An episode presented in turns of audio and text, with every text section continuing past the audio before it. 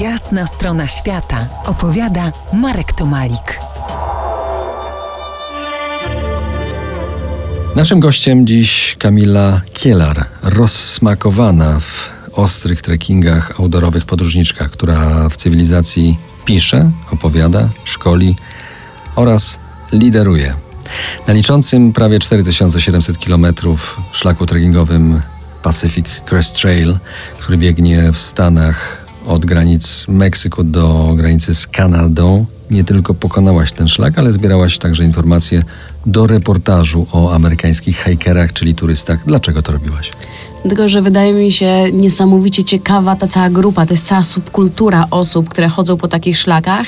E, bardzo duża jest skala wbrew pozorom tego zjawiska i to jest grupa, która ma swoje zwyczaje, swoje, swój styl, swój język itd., tak itd. Tak U nas nie ma takiego zjawiska, dlatego bardzo chciałam się mu bliżej przyjrzeć. Dobrze, ale to nie wystarczyło ci cieszenie się górami, rzekami, dzikością matki natury? Jeszcze trzeba było nagrywać, pisać? Ale to zupełnie jedno drugiego nie wyklucza. Ja się ogromnie, ogromnie cieszyłam tym, że tam jestem. Sprawiało mi to niesamowitą przyjemność, ale jednocześnie chciałam z tego szlaku i z tej przygody wyciągnąć coś więcej. Zrobiłaś ponad 200 wywiadów. Opowiedz nam, kto się wybiera na taki trekking na pół roku w góry?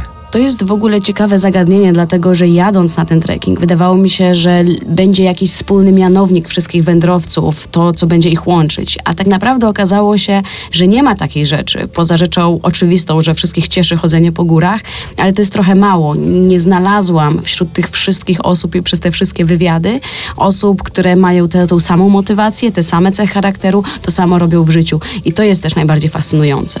Etyka góry i internet. Okazuje się, to naczynia połączone. O tym, jak ze sobą współpracują, opowiemy za kilkanaście minut.